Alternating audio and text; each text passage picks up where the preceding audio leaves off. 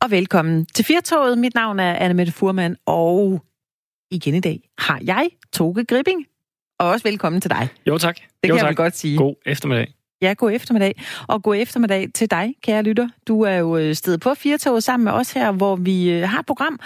Der var et par timer, og vi har undret os over nogle nye ting i dag. Og øh, en af de første ting, vi sådan øh, lige undrer os lidt over her i dag, det var øh, netsvindel, altså handel på nettet, hvor man køber nogle ting, man måske aldrig nogensinde får. Og jeg skal lige høre, Toga, er du sådan en, der øh, shopper tit på nettet? Faktisk ikke. Altså, øh, jeg har gjort mere, end jeg gør i hvert fald. Og det er der vist også sket en enkelt gang, at, øh, at jeg blev, blev snydt.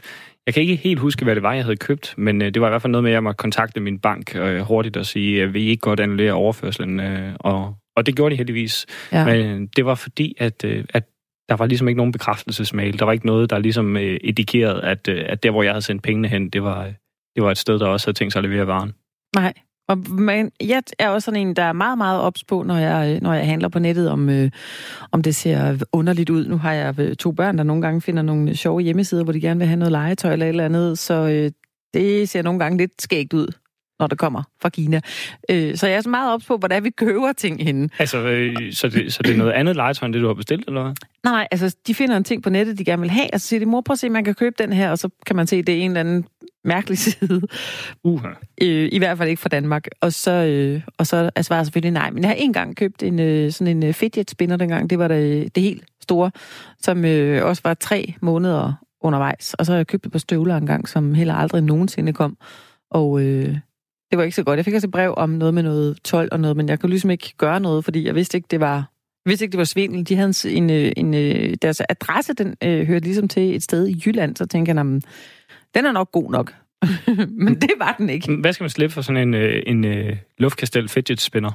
Oh, jeg tror ikke, øh, den var ikke voldsomt dyr, måske 169 kroner, men det var alligevel meget dyrt i forhold til, hvad de så efter på måneder kostede i øh, Fætter BR og nogle andre butikker i Danmark. Så, øh, men man kan jo blive snydt, og det øh, er der også mange mennesker, der, øh, der har været udsat for. Men det vil vi jo gerne øh, høre dig om, kære lytter. Om du nogensinde har købt noget på nettet, som øh, du er blevet øh, snydt med, har du øh, fået en falsk vare, eller er du på en eller anden måde blevet snydt. Du kan sende os en sms til 1424. Du skriver R4, og så din besked, eller så ringer du ind til os. Det gør du på 72 30 44 44.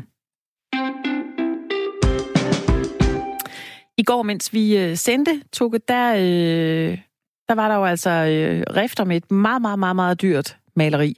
Vi øh, talte med øh, en fra Brun Rasmussens øh, auktionshuse, en øh, fyr, der hed Kasper, som øh, kunne fortælle os lidt om, hvad det var for et, et øh, maleri, der blev sat til salg. Men vi fik desværre ikke øh, prisen med, hvad det endte med at blive, øh, blive solgt for. Det var det her danske maleri, der hedder Interiør fra Strandgade 30 af Wilhelm Hammershøj.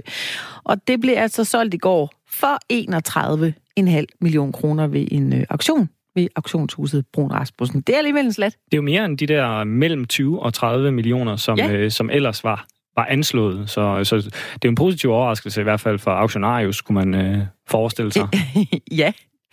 Man kan godt lige have en ekstra million, men jeg tænker, kan det ikke være lidt lige meget, hvis det alligevel kan ryge for 30 millioner, om der lige kommer en halv en oveni? Jo, det har så Men- tydeligvis været, været populært, så det, det har nok været nødvendigt at slippe øh, de ekstra. Det er det.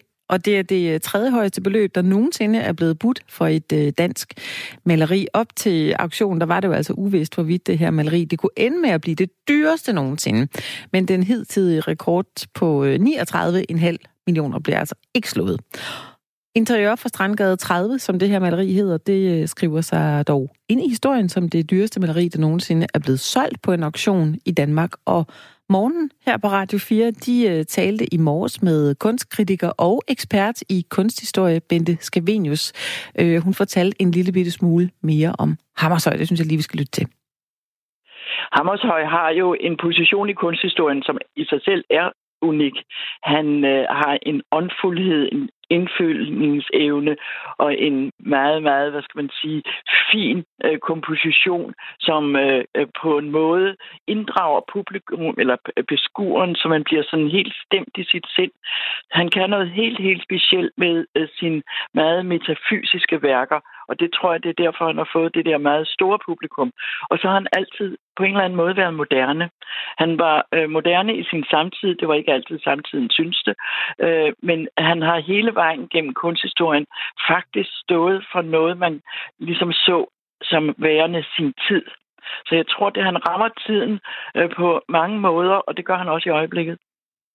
Det gør han åbenbart, fordi der er jo nogen, der synes, det er øh, vildt fedt at have sådan et maleri hængende derhjemme. Det er dem, der har råd til det.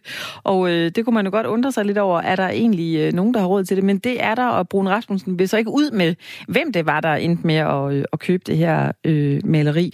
Men øh, vi håber da, at vedkommende synes, det er dejligt at have et maleri, et maleri hængende for 31,5 millioner kroner. Det er jeg ikke i tvivl om. Nej, det er det. Men øh, det er jo lidt vildt, at der er nogen, der har råd til det, og det kommer øh, Bente Skavenius også ind på her. Det forunderlige er, at vi har jo haft en finanskrise, og øh, den gjorde selvfølgelig, at øh, det var svært for mellemgruppen af øh, malere eller kunstnere at klare sig. Men de helt, helt top malere, de klarede sig, eller deres malerier er jo gået til skyhøje priser siden. Og det er fordi folk har investeret i kunst på en helt, helt anden måde. Der aktier og værdipapirer jo har tabt deres værdi, eller tabt til deres værdi. Og så var kunst måske en meget sikre måde, men det skulle være kunst, som man var 100% sikker i og var investeringen værd. Så derfor er værker af øh, de kunsthistoriske, hvad skal man sige, betydningsfulde øh, kunstnere simpelthen røget i top. Hvor mange mennesker er i stand til at købe øh, malerier til 31 millioner kroner nu om stunder? Ja, det må du jo så, øh, altså globalt set er der jo mange, der har de penge. Altså, det er jo det, øh, vi jo ikke ved. Altså, øh, hele Asien, øh, Japan øh, og USA, øh, de, har jo, de har jo de penge. Det er jo kun i det her lille land, vi ikke kan forestille os det. Du elsker kunst. Hvad sker der med dit hjerte, hvis det nu er en øh, hollænder eller en japaner, der tager maleriet med, og så kommer det aldrig nogensinde op og hænge i Danmark igen? Jeg har ikke så meget imod, at det ikke kommer op og hænge i Danmark mere. Øh, jeg ville ønske, at det var et af de store øh, internationale kunsthistoriske museer, som har købt det. Altså, jeg synes, det er helt fantastisk, hvis altså, øh, når Louvre har et værk, når øh, Tate har et værk, når Metropolitan har et værk, når Getty-museet har et værk. Det synes jeg, at vi skal være repræsenteret med vores bedste værker.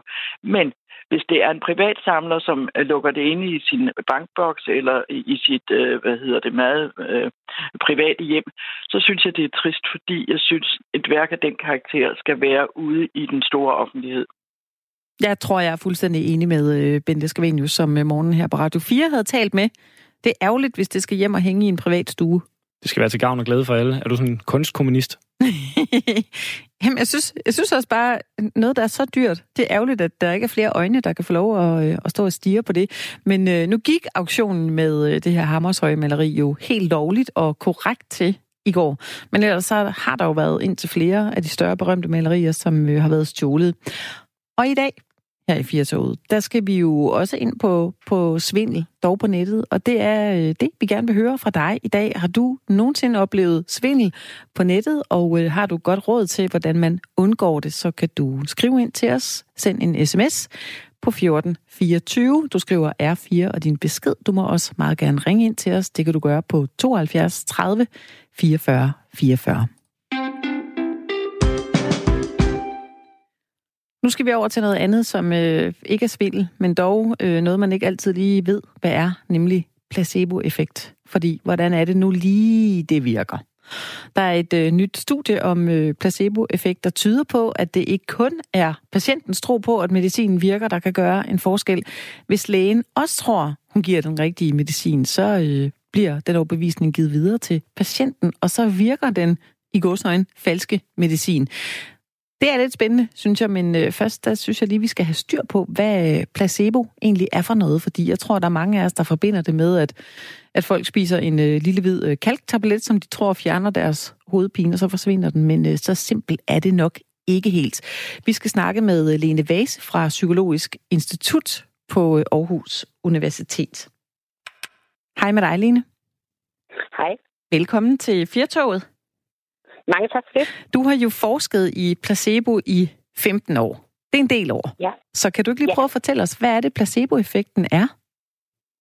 Jo, man kan sige, at helt traditionelt, så er placebo netop det, vi har talt om, at det er um, kalktabletter, nogle inaktive medicamenter, som man har givet til patienter og sagt til dem, at øh, de kunne have en effekt. For eksempel, det kunne lindre deres smerte. Og så vil man se, at for nogle patienter, der kunne det rent faktisk lindre deres smerte. Og vi har længe brugt det, vi kalder de dobbeltblinde randomiserede forsøg som kontrol for udvikling af nye medicamenter.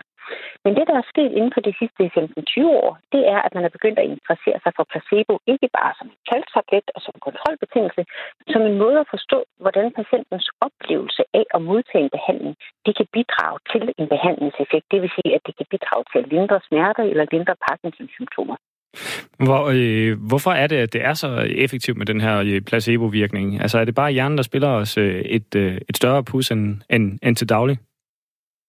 Nej, jeg tænker ikke nødvendigvis, at, at det er hjernen, der spiller os et pus som sådan, selvom det godt kan fremstå sådan. Så en af de førende placeboforskere fra Breccio Benedetti vender det egentlig sådan lidt på hovedet og siger, jamen øh, det øh, placeboeffekten viser os, det er, at vi har en øh, evne til at kunne mindske vores egne symptomer, for eksempel lindre smerte i en periode, hvis vi for eksempel falder på ski og slår os, eller mindske nogle Parkinson-symptomer.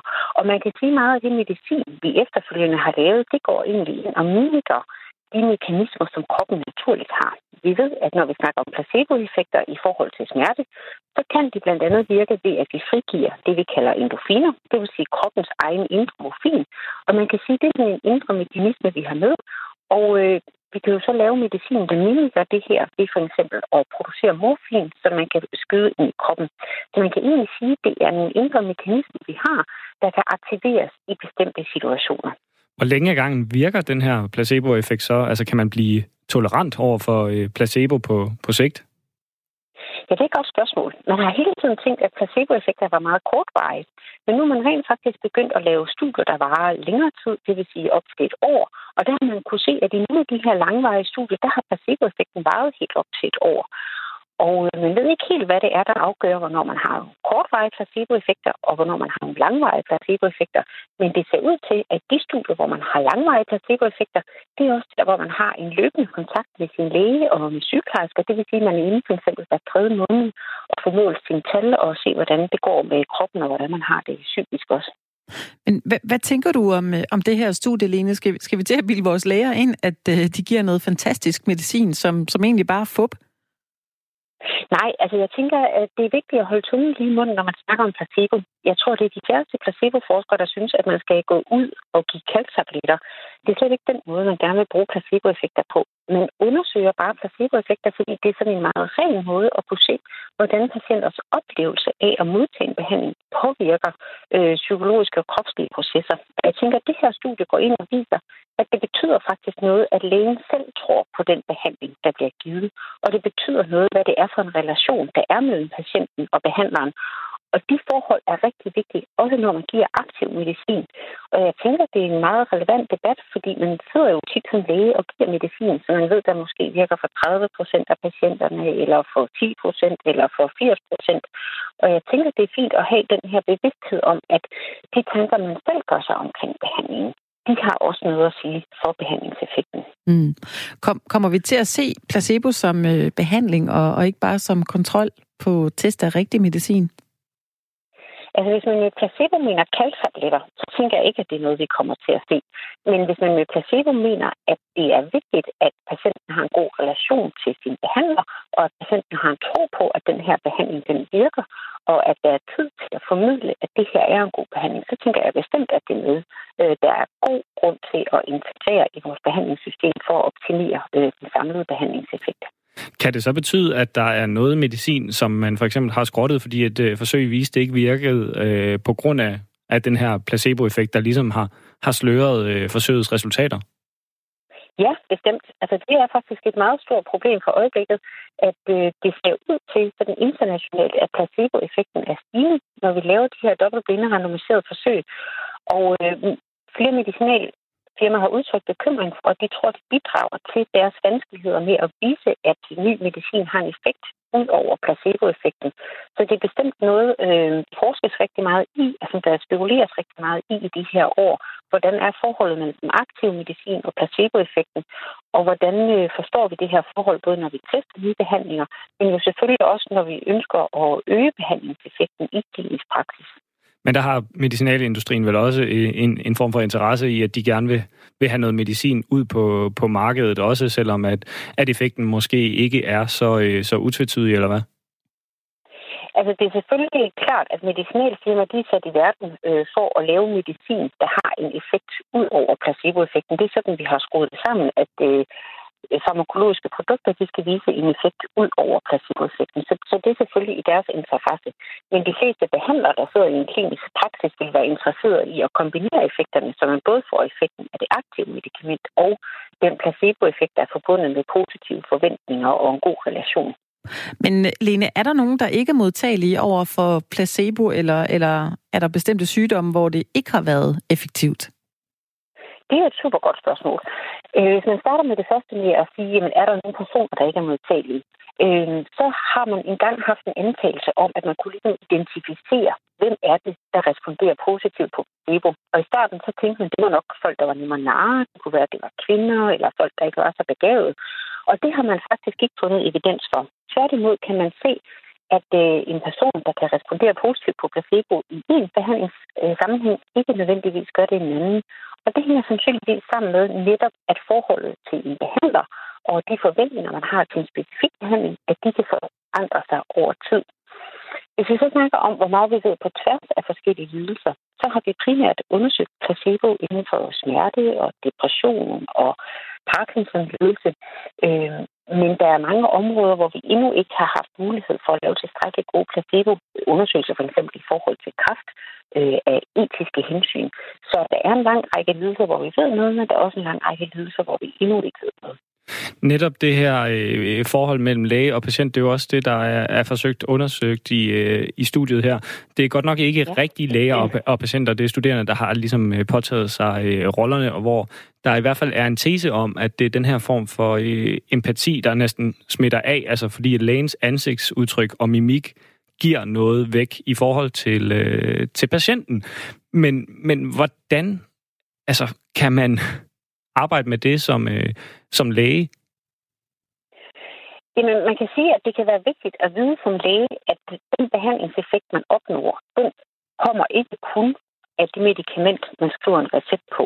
Den kan også ved bestemte lidelser fremkomme i den samtale, man har med patienten. Og det man både sådan øh, verbalt med sit sprog, men også med sådan mere sit kropssprog og nonverbalt, får kommunikeret omkring, at det her er en behandling, vi har gode erfaringer med, at det her er noget, jeg tror på, der vil kunne hjælpe dig.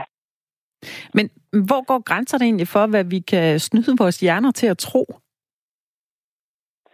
Øhm, jeg ved ikke, om øh, vi snyder vores hjerner.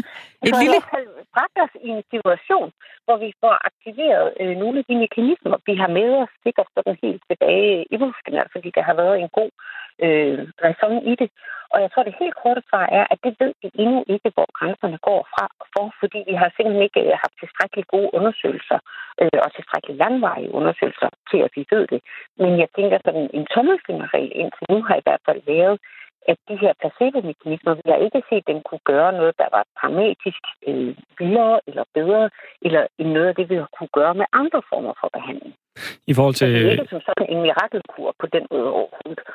Når vi taler det her læge-patient-forhold, altså handler det så om for lægen at, at sige, du får det bare meget bedre af, af den her. Altså du skal helt sikkert nok øh, blive rask? Altså er det den der overlevering, sådan, som, som med, en, med en vis grad af, af selvtillid og overbevisning, som, som man, skal, man skal have som, som læge, eller, eller er det for tidligt nu at sige, hvor, hvordan placeboen træder i kraft, når det er læge-patientforhold? Altså, vi ved ikke præcis, hvad det er ved relationen, men der er meget, der tyder på, at det faktisk er det at være autentisk.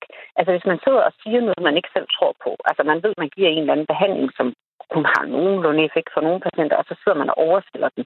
Det er der ikke noget som helst i placeboforskning, der støtter, at det skulle være en god idé. Men tværtimod det, at man har en reel kontakt, en empati, en forståelse for den anden situation, og klart får kommunikeret, hvad der kan være af fordele ved den her behandling inden for rammerne af, hvad der er realistisk, at det er det, der ser ud til at have en effekt. Der er blandt andet blevet lavet studier i forhold til Parkinson-patienter, hvor man netop prøvede at sige til dem, at det her det virker med 100% sandsynlighed. Og der fik man faktisk mindre placeboeffekter, end hvis man sagde, at det virker med 70% sandsynlighed. Sandsynligvis fordi øh, ved de lavere procentsatser, så var det også vigtigt, at patienterne ligesom selv engagerer sig i det og tænker, at det her, det kan være, det virker for mig. Hvis man ved, at der er 100% sandsynlighed for, at noget virker, så kan man næsten bare læne sig tilbage og vente på, at effekten kommer. Så det er langt mere komplekst, og det handler om at øh, være oprigtig. Det er i hvert fald det, vi har set fra de studier, der er lavet indtil nu. Tak for snakken, øh, Lene Vase. Du forsker jo i placebo, og det lyder også på dig som om, at det bliver du ved med, fordi der er meget øh, at finde ud af på den front stadigvæk. Kan du have en, øh, en fortsat god dag, og tak fordi du var med her i Fjertoget. Tak det måde. Hej hej. Hej. Og nu skal vi snakke med en, som øh, har sådan helt lavpraktisk erfaring med at, at snyde folks hjerner, kan man vel godt sige, i, i praksis. Det er øh, Dorte Engelund, som er psykolog og som øh, også arbejder med det, der hedder klinisk hypnose. Hej med dig, Dorte. Ja, hej. Velkommen til Firtoget. Tak for det. Kan du ikke fortælle os lidt om, hvad det er, og, øh, og, og fortælle os den her øh, den forbindelse, der er mellem krop og sind, som du jo som øh, psykolog og også en, der arbejder med det her kliniske hypnose, bruger. Ja, altså øh, øh, klinisk hypnose, øh, man kan sige, at hypnose er en form for øh, en tilstand, hvor der er en øh, fokuseret opmærksomhed. Altså normalt der lader vi os adsprede forskellige ting. Men når det er sådan, at vi skal arbejde med hypnose, så fokuserer vi opmærksomheden, og det gør vi både ved at bruge afspænding af kroppen og forskellige teknikker til at få opmærksomheden rettet et bestemt sted hen. Hvad kan man behandle med hypnose egentlig? Ja, men altså, der er jo de her, der, der er jo mange, der laver behandling af forskellige, øh, altså dårlige vaner, man gerne vil af med, altså rygning og øh, overspisning og sådan noget. Det er sådan et område, og øh, når psykologer øh, bruger hypnose, eller hypnoterapi, som man også kalder det, så kan det være for eksempel i forbindelse med angst eller depression, øh, i forbindelse med traumer og krise. Ja. Stress er det også meget anvendt indenfor. Ja, nu, nu står vi jo og taler med dig, og øh, det kunne da godt være, hvis man bare var super modtagelig for hypnose, så ville jeg muligvis ryge i en, i en trance, uden jeg vidste det. Men, men hvordan ved man, hvem der er modtagelig ja. eller ikke modtagelig over for hypnose? Altså, øhm, man kan jo sige, at det, for det første, den første forudsætning for overhovedet at gå i gang med hypnose, det er, at der er skabt et tillidsforhold. Hvis man sidder med en bekymring for, at man kan nu blive forført i noget, hvor man ikke selv har kontrollen, så dur det ikke. Så jeg vil aldrig lave hypnose første gang, jeg møder en klient. Nej, du skal lige øh, mærke dig ind på, om yeah. klienten også kan, kan overgive sig. Lige præcis. Mm. Og så handler det jo meget om, om, om, hvorvidt man er i stand til at fokusere sin opmærksomhed. Og, øh, og så, kan, så kan folk jo også være, altså, fra naturens side være mere eller mindre modtagelige over for hypnose. Øh, mennesker, som har angst, de er som regel vældig gode til at forestille sig noget, der er skræmmende. Og derfor er det meget ofte rigtig gode til at forestille sig noget, der er positivt. Og det er jo sådan set kernen i klinisk hypnose, det er, at man prøver at lave nogle positive forestillinger til at erstatte de negative. Hvordan kan man være mere sådan genetisk modtagelig over for hypnose? Ja, der vil jeg mene, at det er, altså det er det med evnen til at kunne fokusere. Hvis nu for eksempel du har ADHD, eller du har at, at du har meget øh, nervøs sind og svært ved at, ligesom at styre din opmærksomhed, så skal det måske være svært at gå ind i det. Okay. Vi har faktisk lige fået en, en sms fra en lytter her, mens vi øh, har talt med dig, Dorte. Hun, øh, ja. hun skriver, dag i toget det er så firtoget her. Hypnose ja. reddede mit liv, og jeg har nu en anden kontakt til mig selv end før. Og det synes jeg, der er øh, skældsættende, at det ligefrem er en, der skriver, at det har reddet hendes liv. Ja. Ja? Det, øhm... det har du også hørt før, måske?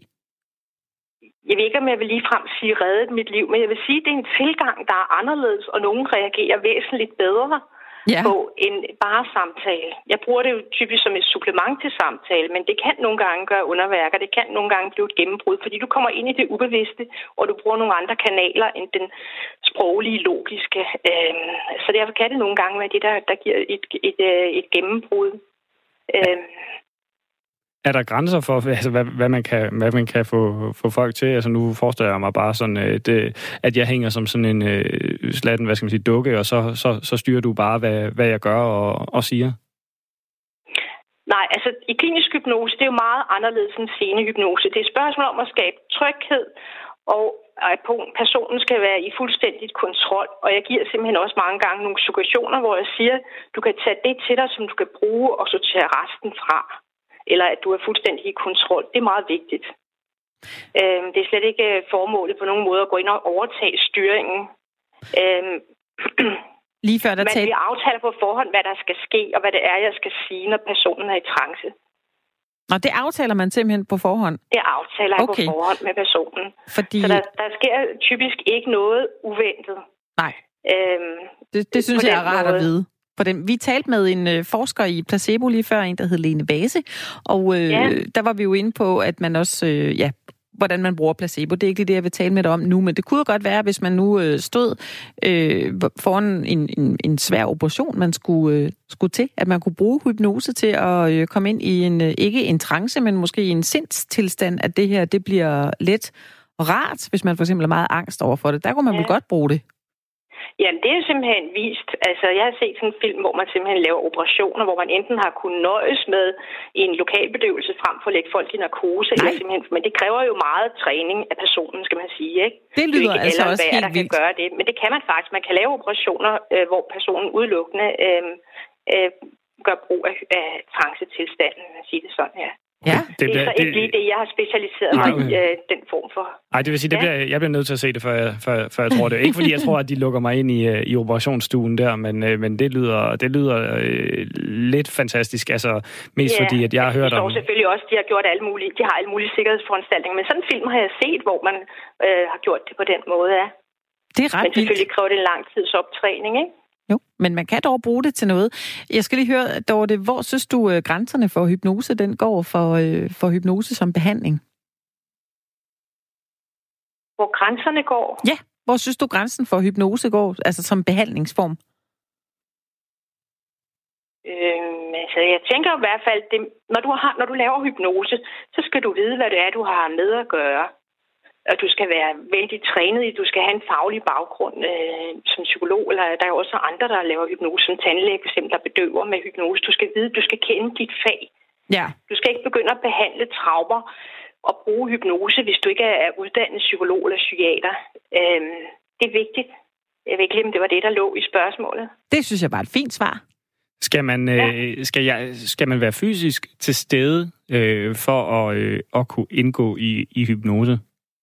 Altså så fysisk til stede sammen med behandleren? Ja, altså jeg laver for eksempel sådan nogle lydfiler, som jeg har lagt ind på min hjemmeside. Altså det er jo ikke, hvad kan man sige, der kommer jo ikke sådan i dybe trance til standen. Man kan jo sådan set også lave selvhypnose, hvor man sådan set egentlig bare får sig selv i trance. Øh, så det kan man i princippet godt. Men hvis jeg skal lave det som altså hypnoterapi, hvis det er en del af terapien, så vil det, så vil, så vil det foregå her i rummet, hvor jeg, kan, jeg, jeg skal kunne observere, hvad der sker med personen. Jeg, der er hele tiden en form for kommunikation i gang imellem os, øh, hvor jeg lægger mærke til vejrtrækning. Jeg lægger mærke til, hvordan personen har det undervejs, ikke? og vi kan kommunikere sammen. Okay. Og det er vigtigt. Så, øh, så... Men derfor kan man godt ligge og høre en lydfil, som, hvor man egentlig kommer ind i nogle behagelige tilstande. Ikke? Okay, så du kan ikke, du kan ikke hypnotisere mig her i, i røret? Nej, det kan jeg ikke. det håber jeg faktisk ikke, Dorte, fordi jeg kunne godt tænke mig lige beholde toget frem til klokken 17 i dag. Tænk, tænk, nu, hvis jeg, tænk nu, hvis jeg fik det meget bedre. ja, måske. Psykolog Dorte Engelund, du skal have tak, fordi du lige gæstede os her i, i Firtoget og gjorde os, gjorde os klogere på, på hypnose. Kan du have en, en fortsat god dag? I lige måde, tak. Hej, ja. hej. Hej, hej. Jeg er på en måde øh, tryg ved, at du måske ikke er øh, modtagelig for hypnosetoger, og at det hun ikke være, har talt dig. Det kan jeg er hypnotiseret. Jeg ved det ikke. Vi kan prøve at se, hvordan det går de næste halvanden time her i Firtoget.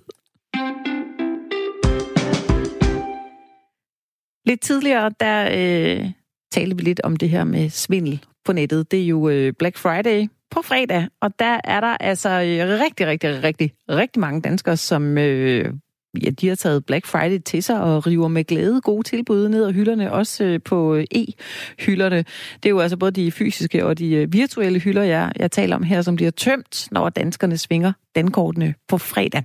Men desværre er det ikke alle internette internetbutikker hedder det, som øh, har rent mel i posen, fordi rigtig øh, mange danskere de bliver hvert år snydt af tilbud, som nok er nogle af de tilbud, der er lidt for gode til at være sande, når de handler på nettet.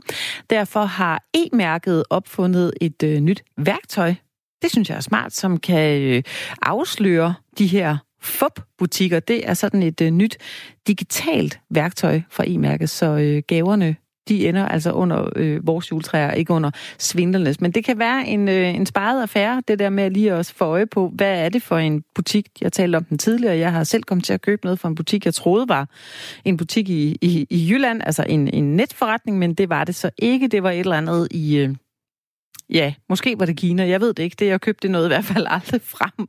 Nej, men også når det, med de her øh, netbutikker og, øh, og potentielle fodbutikker, så er det jo også svært, hvis man gerne vil støtte de små nye butikker. Jeg ved ikke, jeg kender ikke øh, e-mærket indgående. Det, øh, det lærer vi at kende øh, lidt bedre lige om lidt. Men altså, jeg har bare den her idé om, at, at det tager måske lige lidt tid at få det her e-mærke certifikat. Og hvis man er sådan en helt ny og, øh, og nyopstartet butik, så er det også træls, hvis der ikke er nogen, der gider at handle ved en, bare fordi man ikke kan lave den her øh, blåstempling.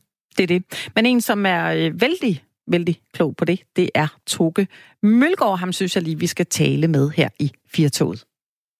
Hej med dig, Toge. Hej. Du er øh, kommunikationschef hos e-mærket og også øh, projektansvarlig for det her, øh, der hedder Sikker Shopping, som vi lige talte om lige før. Hvordan undgår vi egentlig at blive snydt på fredag, når, øh, når mange danskere skal, skal shoppe nogle af, de gode tilbud på, på Black Friday? Jamen altså, det, det bedste råd er jo egentlig at installere øh, det værktøj, som vi øh, her fra e-mærket udkom med for en måneds tid siden. Fordi det er i hvert fald vores øh, forsøg øh, på at bidrage til et kamp mod de her netsvindlere. Og det er jo altså et værktøj, som så allerede ude i en søgeresultat øh, udpeger øh, de her øh, svindelsider, som vi altså finder i tusindtal af. Så det vil være mit øh, første øh, og bedste råd øh, so far. Men som alt mulig anden teknik, så øh, har det også nogle huller og finder ikke nødvendigvis alt. Så jeg vil også altid øh, opfordre folk til at øh, øh have, være, hvad kan man sige, vaks ved havelån. Øh, er prisen lidt for god til at være sand, selvom jeg godt ved, at Black Friday de samler på øh, fuldstændig vilde priser. Men det er altså oftest øh, de her meget, meget gode tilbud, som øh, svindlerne også benytter sig af, for ligesom at komme i, øh, kan man sige, gøre opmærksom på sig selv øh, overfor dem, der handler på nettet. Hej Toge, det er Toge. Det vil jeg bare lige gerne sige i radioen. Hvor, øh, er, Toge, det er sjældent, det sker. Nemlig, er det, er det sådan, at øh, altså, bliver de her øh, fuskere på nettet, bliver de bedre til at, øh, at se ægte ud, havde jeg sagt, eller, eller ærlige ud? Eller hvorfor er det? For det er jo øh, ved Gud ikke første gang, vi hører om, at folk er blevet øh, snydt på nettet. Altså, er, er det os som forbrugere, der, der i anførselstegn er, er lige så dumme, som vi var for, for fem år siden, eller, eller bliver svindlerne også bedre til at, at svindle? Ja, for os at se, som arbejder med det her til dagligt, så det er det sådan en kombination af flere ting. Øh, og lad mig starte med det ene sted, at jo, helt sikkert, der er, det, det er hele tiden sådan et våbenkapløb, som det jo tit er inden for kriminalitet. Altså at dem, som udøver kriminaliteten, øh, må hele tiden modsvare dem, der forsøger at bekæmpe den. Så det er sådan et, vi forsøger at gøre noget, nogle andre forsøger at gøre noget, politi gør noget, og så samtidig med det, så finder man nye huller, altså fra de kriminelle side. Øh, der er også det med det, at, helt, at det iboende i at handle på nettet er, at det skal være nemt og hurtigt. Og det er for os at se nogle gange lidt sådan en farlig cocktail i den her sammenhæng. Fordi her der øh, forsøger vi faktisk at invitere folk til måske lige at tage sig et ekstra minut til at undersøge, hvem det er, de handler med. Hvad det er for en vare, de er i gang med at handle. Og hvilke nogle aftalevilkår, som ligger til grund øh, for den handel, de indgår. Øh, og det er nogle gange der, hvor at man øh, som som nethandlende kan komme til at springe nogle skridt over. Og det er så der, man så også øh, kan, kan man sige, gøre ondt værre og simpelthen komme til at handle øh, piratkopierede Nike-sko eller Ray-Ban solbriller med nogen, der sidder i Kina, øh, og ingen af delene kommer til dig. Fordi jeg prøvede faktisk på et tidspunkt at skulle købe et par støvler, og det var en, øh, en netshop, som jeg, jeg, jeg tror simpelthen ikke, hvor meget jeg havde kigget efter, at jeg øh, kunne have spottet, at det var en, en svindelshop. De havde en adresse i Jylland, og jeg synes, jeg var meget rundt for at se, om det her det nu var for godt til at være sandt. Altså, hvis man nu kommer ud i det, hvad, hvad, hvad er der nogle tegn? Er der nogle signaler? Er der nogle øh, ting, man skal kigge efter, som, som, øh, som kan være øh, garant for, at det her det er en, en falsk e-shop? At, altså, der er i hvert fald nogle, nogle visse kendetegn, vi kan se, der går igen. Øh, mange af de butikker, som, som, som, øh, som vores systemer fanger, det er butikker, som er lavet af maskiner. Det vil sige, de er robotproduceret. De er produceret i tusindtal. De reproducerer så også mange af de kan man sige, kendetegn, øh, som vi kigger efter. Og de er også lavet af nogen, som ikke har gået i dansk skole. Så når de forsøger at skrive noget på dansk, så benytter de sig af oversættelsesmaskiner, øh, som jo, når man skal prøve at ramme lige præcis en, et, et sprog som det danske, så fejler de tit. Så, så sådan nogle åbenlyse og en alt for stor mængde af sådan noget volapyk dansk, ofte i handelsbetingelser ja. eksempelvis, det er et helt klart øh, tegn på, at her skal man altså være opmærksom. Men vi anbefaler også tit folk, at man ligesom sådan kombinerer de forskellige tegn, så og sådan igen er øh, prisen simpelthen for god til at være sand. Altså er det et eller andet eksklusivt produkt, der oftest er til salg til 800 kroner, pludselig kan du få det til et sted mellem 300 kroner. Så, så det er måske også et, et, et, en, en lidt for god pris. De bruger også valutaomregnere for at ramme danske kroner, så derfor møder man så også tit priser, som man ikke ellers ville møde på almindelige øh, webshops. Og det kunne være sådan noget som, ja, hvis noget koster 300, så koster det ikke 300, men det koster så 316,48. Okay. Eller den stil, Ja. Det er jo meget godt lige at vide de her ting, fordi man... Måske er man opstemt af det, man skal købe, og lægger ikke lige mærke til de her ting, du, du fortæller om på den måde, eller så tænker man, om de, det er vel fint nok, det er bare nok dem, der har skrevet forkert. Men hvis man nu ser en potentiel falsk e-shop, hvad, hvad kan man så selv gøre for at, at, at anmelde dem? Ja, for det første skal man jo så, øh, kan man sige, lade være med at handle videre på den, eller have noget med den at gøre. Så kan man jo tippe os. Altså, vi som e-handelsorganisation sidder og tager imod op mod, tror jeg, 500 tip om, om året. Øh, både af folk, som støder på de her sider, men også som folk, som altså har brændt nallerne. Det er også derfor, at vi efterhånden er blevet ret kloge på, hvad er det egentlig, der gik igennem hovedet på folk, og hvem er de her mennesker, som jo er vores medborgere, som sidder ude bag skærmen, ja. og altså falder for de her, øh, for os at se i hvert fald ret åbenlyse øh, svindelnumre. Men som du selv siger, er der et produkt, som man måske har gået og ønsket sig i lang tid. Det er oftest eksklusive produkter, kendte mærkevarer til rabatpris. Men det er ingrediensen for at blødgøre den kritiske sans op i de fleste forbrugers hoveder. Ja. Og det er det trick, kan man sige, som de benytter sig af, de her svindler. Vi har fået en, øh, en sms fra Nils her, der siger, eller skriver, jeg kontrollerer altid med Trustpilot, og hvis der er få bedømmelser af webshoppen, så prøver jeg at se, om dem, der er givet, virker ægte. Og, øh, og Trustpilot har jo haft sådan lidt en, været sådan lidt en blandet størrelse. I starten der var det i hvert fald også mit, mit go-to-sted, når jeg skulle verificere noget. Men, øh, men så er det jo netop øh, blevet inficeret af de her mange øh, falske anmeldelser, som det virker til, at Nils er opmærksom på. Men, men kan man bruge en, en hjemmeside som, som Trustpilot, eller er der andre steder, hvor man ligesom kan tjekke, om noget er, er sikkert, øh, baseret på for, forbrugererfaringer? Jamen, altså brugeranmeldelser synes vi også selv hos e-mærket er en god ting. På e-mærket webshops øh, kan man da også læse øh, anmeldelser af, hvad andre kunder synes, og det er et system, som, som vi så monitorerer. Vi gør det lidt anderledes end mange andre brugeranmeldelsesplatforme, det vil sige, hvor at mange andre, eksempelvis også som Trustpilot, er lidt mere, kan man sige, frie. Der er ikke en lige så stor, øh, kan man sige, monitorering og overvågning af den.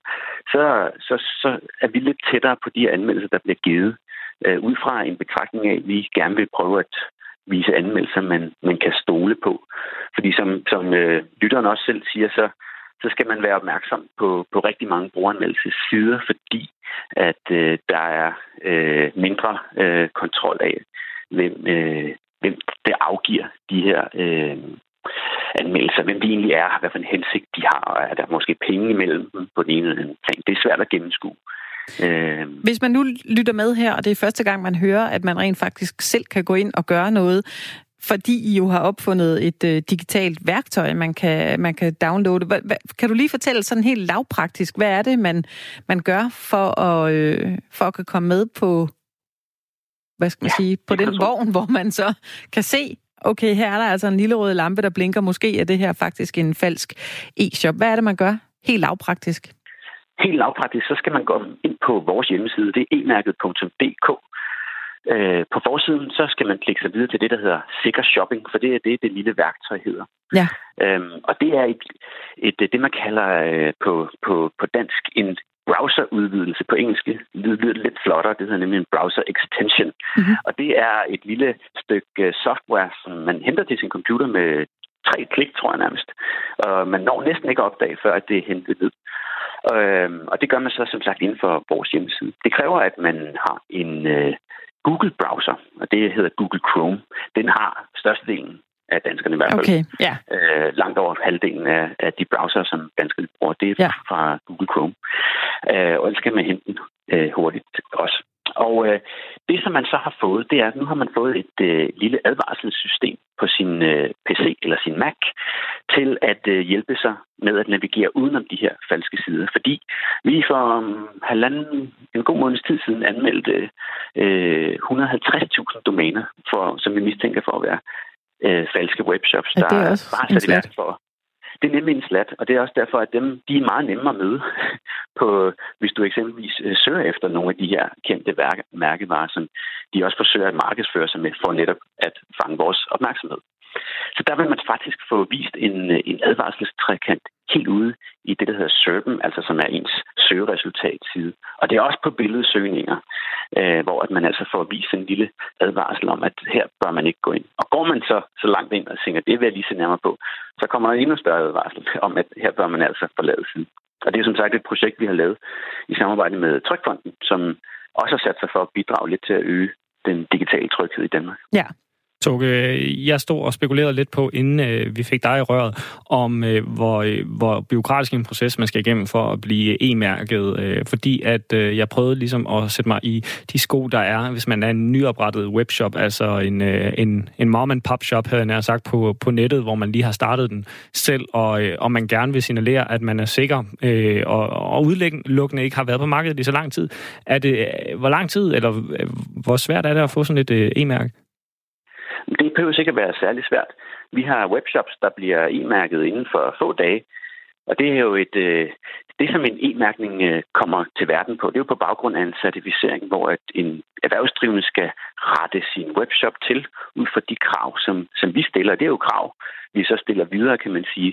Og, og det er derfor, vi kan gå ud og sige til, til forbrugerne, at man kan handle trygt og sikkert på en webshop, fordi den sikrer vi, at den overholder det, man skal overholde. Så så længe at man er hurtig til at få forklaret det, så kan man gøre det på, på nærmest øh, rekordtid. Og jeg vil særligt også anbefale det til, kan man sige, til, til nyopstartede webshops, som ikke har på samme måde et, øh, et forhåndskendskab ud fra øh, ens øh, forretningsbrand øh, ud blandt øh, forbrugerne. Der er sådan nogle, kan man sige, tillidsmarkører som et e-mærke ofte en, en rigtig god ting idé fordi den ligesom øh, indbyder til noget, til noget troværdighed og tillid, øh, at, at shoppen vil det her øh, med, med at handle på nettet. Vores snak har helt, helt øh, mest handlet om, øh, om de her butikker, der, der er decideret svindel, altså hvor de aldrig sender en, øh, en vare. Er der også nogle øh, retningslinjer og, og så videre for, for, hvis man sælger et produkt, som måske ikke er helt som det, man, øh, man lover? Jeg spekulerer i særdeleshed på. Jeg får nogle mærkelige reklamer for sådan et skægvækst firma, der lover mig, at øh, jeg kan simpelthen gro et større, et større skæg, hvis bare jeg bruger de produkter. Øh, er det noget, som, som I også holder opsyn med, eller, eller øh, beskæftiger jeg kun med, med de her svindelbutikker, hvor man altså aldrig sender en vare? Nej, det rent produktspecifikke, det har vi, det der tilsynsførende myndigheder, som eksempelvis forbrugerombudsmanden, som kigger på, hvordan at øh, man markedsfører sig, eller Sikkerhedsstyrelsen, som kontrollere, om man markedsfører øh, produkter, som er godkendt øh, til at blive handlet og markedsført i Danmark. Øh, men det, I skal også vide i forhold til de her øh, butikker, som, øh, som vi advarer imod. Der kommer oftest en vare. Det er bare ikke den vare, du troede, der ville komme. Fordi du har jo siddet og kigget på et billede af en, en rigtig lækker øh, Nike-sko, en nyeste model til spotpris. Øh, og det er jo så fordi, at de har snuppet billedet fra varemærkeindehaveren eller producenten selv, eller nogle af de andre øh, lovlydige butikker, som, som har ægte produktbilleder. Og så er det så bare en kopisko, produceret oftest i i øh, eksempelvis Kina er et rigtig stort marked for, for, for kopier. Øh, og så er det sådan en, man får. Eller også så får du et sort bælte, eller en dårlig Ray-Ban solbrille, hvis du har bestilt et par ruskins øh, støvler til vinteren eller sådan noget. Altså vi oplever simpelthen nogle gange også noget mest komisk, ikke? Øh, så, så, men, men, men, men ligegyldigt hvad, kan man sige, så, øh, så har man handlet med de forkerte mennesker. Ja. Så man er, altså, det er IT-kriminelle, som man ikke har lyst til at fortælle, hvem man er, hvor man bor, med tilhørende kortinformationer. Fordi det er for dem, det er valuta, som de kan videresælge på det, der hedder dark web, mm. øh, hvor at danske identiteter med tilhørende kortnummer er i, i høj kurs. Ikke? Jeg skal lige høre dig, Toge. Er du, øh, er du selv blevet snydt nogensinde? Jamen, jeg er jo jeg er blevet snydt en enkelt gang. Ja. det var den anden Toge. Toge, Toge Mølgaard. Nu er det med efternavn. Toge Mølgaard. Jeg skal lige høre. Jamen, det er fordi, det kunne da godt være, at du selv er blevet snydt på et tidspunkt. Jamen altså, jeg er jo bare et menneske som alle mulige andre. Ja, det er det. Øh, og øh, nogle gange kan man også godt blive farveblind af, at man sidder og arbejder med det. Jeg vil sige på den måde, at jeg kan godt selv komme i tvivl øh, i forhold til, hvad, øh, hvad jeg har med at gøre her. Så det er ikke altid, at vi kan spotte det nødvendigvis øh, i første omgang. Nej. Men jeg tror også, kvæg, hvor, hvor jeg sidder min rolle, og hvem jeg kender her, særligt på arbejdspladsen, der tror jeg måske, jeg er lidt ekstra forsigtig, fordi det vil godt nok være røde ører til mig. Ja, så er der vist det, der hedder kvejebajer på kontoret, ikke? hvis det var dig, der røg ud i den. det kan man sige. Men, om, men vi har det også som, at vores, altså, vores undersøgelse viser os, at alle bliver snydt. Det er ikke kun newcomers eller... Nej øh, folk i en vis aldersgruppe. Det sker både for folk med lang universitetsgrader øh, og folk på 18. Øh, så det, og det er noget, det også gør kan man sige, både området interessant at undersøge og studere, og, og, og så også lave nogle, nogle værktøjer til, som forhåbentlig kan, kan hjælpe med, at vi kan vinde kampen mod ja. Tak fordi du øh, var med her, Toge Mølgaard, hos øh, os i Firtoget. Jeg synes, det var nogle rigtig, rigtig gode råd, især hvis, øh, eller hvis, siger jeg, når der er mange danskere, der skal ud og netshoppe på, på fredag til, til Black Friday. Kan du have en fortsat uh, god dag? Jo, tak. Hej, hej. hej. Det var gode tip, vil jeg nok sige, om at øh, ikke at blive snydt. Men vi har en, øh, en lytter med på telefonen også, og det skulle meget gerne være Knud. Hej med dig, Knud. Ja. Goddag, goddag. Hej. Er du en af dem, der er blevet snydt i en, øh, en e-handel? Jeg er en af de mange, der er blevet snydt i en e-handel. Ja, tror jeg nok. hvordan foregik det? Jeg, Jamen, jeg skulle til Rusland i sommer her i en måneds tid, og jeg kan ikke snakke et, en stavelse russisk, så, så der var der et, et, et, på, på, på nettet, mens jeg læste uh, Euronews, så var der sådan en oversættelsesmaskine, man kunne tale dansk til eller engelsk til, og så kunne den oversætte til russisk og vice versa. Men det kan jo godt lade sig gøre, når man har en, en telefon, altså via Google Translate. Der kan man jo lave noget lignende. Det er lidt mere omstændeligt. Jeg tænkte, det, her, det er nemt, det er, uden, det, det er kodet ind og så videre. Og den kostede så 90 dollars. Ja. Og, øh, og jeg tjekkede så adressen. Det var så et firma, der lå i, i Letland. Og så tænkte jeg, det, det, det er Europa, det er EU, det, det lyder meget godt. Så jeg, jeg sendte pengene, og jeg fik også en bekræftelse. Og, og så, så kom den ikke. Og så tog jeg afsted til Rusland. Og da jeg kom hjem til fra Rusland, så var den stadigvæk ikke kommet. Og så rykkede jeg selvfølgelig efter den, og så skrev de, ja, men det var vi også kede af. Nu skulle de nok lige kigge ind i det og skrive tilbage. Og det gjorde de så. Og den lå så i postkontoret, og nu vil den komme, og de skulle lige have deres partner til at sende den videre. Og der skete ikke noget som helst. Ikke? Altså, det, så, så skrev jeg til dem, send mig pengene tilbage, jeg, jeg vil jo gerne ophæve købet. Og så sagde de, ja, vi sender dig en ny, og der skete ikke noget. Så til sidst måtte jeg bare sige farvel, farvel, 90 dollars. Det var bare ærgerligt. Ja, det er træls. Knud, hvordan ja. gik din tur til, til Rusland så, når du ikke havde den her oversætter med? Jamen altså, jeg havde, altså, Rusland kan jeg kun anbefale. Det var et underligt sted at, at rejse rundt i, og mange snakker jo engelsk, og jeg, jeg fik også samlet lidt, lidt russisk op. Jeg kunne da lære sig i restaurant og, og sådan noget, ikke? Hvad med... om metro og sådan noget, og vodka og njet og sådan noget. Man kan, man så, har du, øh, så har du haft brug for det helt basale jo, til at komme rundt. Ja, ja Men Knud, ja. jeg skal Men det lige... sjovt, hvis man kunne snakke lidt med folk, ikke? Så, Selvfølgelig. Så, så, ja. Hvor lang tid gik der fra, du bestilte den her, til du skrev, nu skal jeg have mine penge tilbage? Jamen altså, jeg bestilte den sådan en, en uge, inden jeg skulle afsted, og, og, og så, så havde jeg en kammerat, der kiggede efter min postkasse, om der skulle komme noget. Og det gjorde der så ikke, og så da jeg kom hjem, så rykkede jeg. Der, gik nok en måneds tid. Ja. Der gik nok en måneds tid. ja, og du har stadig aldrig fået pengene? Aldrig. Altså, jeg har opgivet det. Ja. Og jeg, jeg, jeg kan sige, jeg kan også fortælle, at det, jeg vil sige, jeg vil godt give et tip til, at man kan undgå det der, fordi vi får lige der mail i vores postkasse hele tiden, ikke? Og det, man skal tjekke, man skal tjekke afsenderen. Ja. Fordi hvis der er en, der vil sælge dig en Apple-computer, og han har en afsender, som hedder noget helt andet, så er det nok ikke lige Apple, der sender dig noget. Altså, så, så, så, er det nok, så er det nok fake. Ja. Har du, øh, har du været påpasselig med at, at handle på nettet siden, Knud, eller, eller er du fortsat øh, så, som hidtil? Ja, ved du hvad, altså, det, er, nu skal jeg jo her udstille min egen dumhed. det er okay. Fordi, og det, det gør vi så med stor fornøjelse. Øhm, der, jeg fik et, et, et, jeg skulle have noget internet til min lejlighed, og så, så Fra Rusland? var der noget, der hed... Bre- nej, nej, det var der herhjemme, ikke? Øh, og der var, der var så et firma, der hed Bredbånd.dk med Å. Og der gik jeg ind, og så kunne man få tre tilbud. Så tænkte jeg, det prøver jeg. Så fik jeg et tilbud fra, fra et firma. Øh, jeg kan ikke huske, det var et helt andet firma. Og, øh, og, og, og der sagde jeg tak for det. Så ringede det næste firma, det var til Nord, og så spurgte de, om jeg havde fået et, et tilbud allerede. Så sagde jeg, ja, det havde jeg fået. Ja, så ville han ikke give mig noget tilbud. Nå. Og, og det synes jeg var noget underligt noget. Jeg skældte meget godt og grundigt ud, men det kunne jeg jo ikke gøre for. Han sagde, sådan var reglerne, det kunne han ikke, og sådan noget. Det var underligt noget. Ja. Og det sidste firma, som var Hyper, det hørte jeg aldrig fra.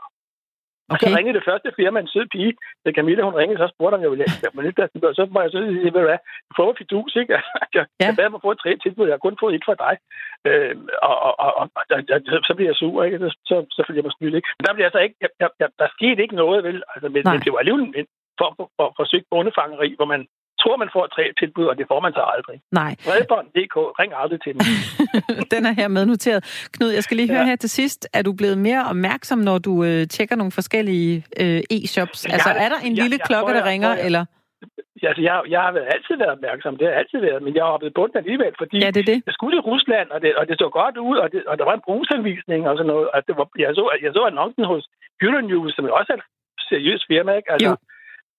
Så, så, du ved, Ja, altså jeg tror nok, at man bliver lukket, fordi man, man står og mangler det der vare, og det, er det. det kunne da være meget nyttigt og sådan noget, og så, så, så slukker man nok for den kritiske sans, ikke? Det gør man. Knud, øh, hvor ringer du egentlig fra? Fra Ballerup. Fra Ballerup, godt. Det, vi skal ja. lige have vores øh, firtogslyttere på, på landkortet her. Ja, men jeg, jeg er ikke 110 km fra København. Nej, det er godt.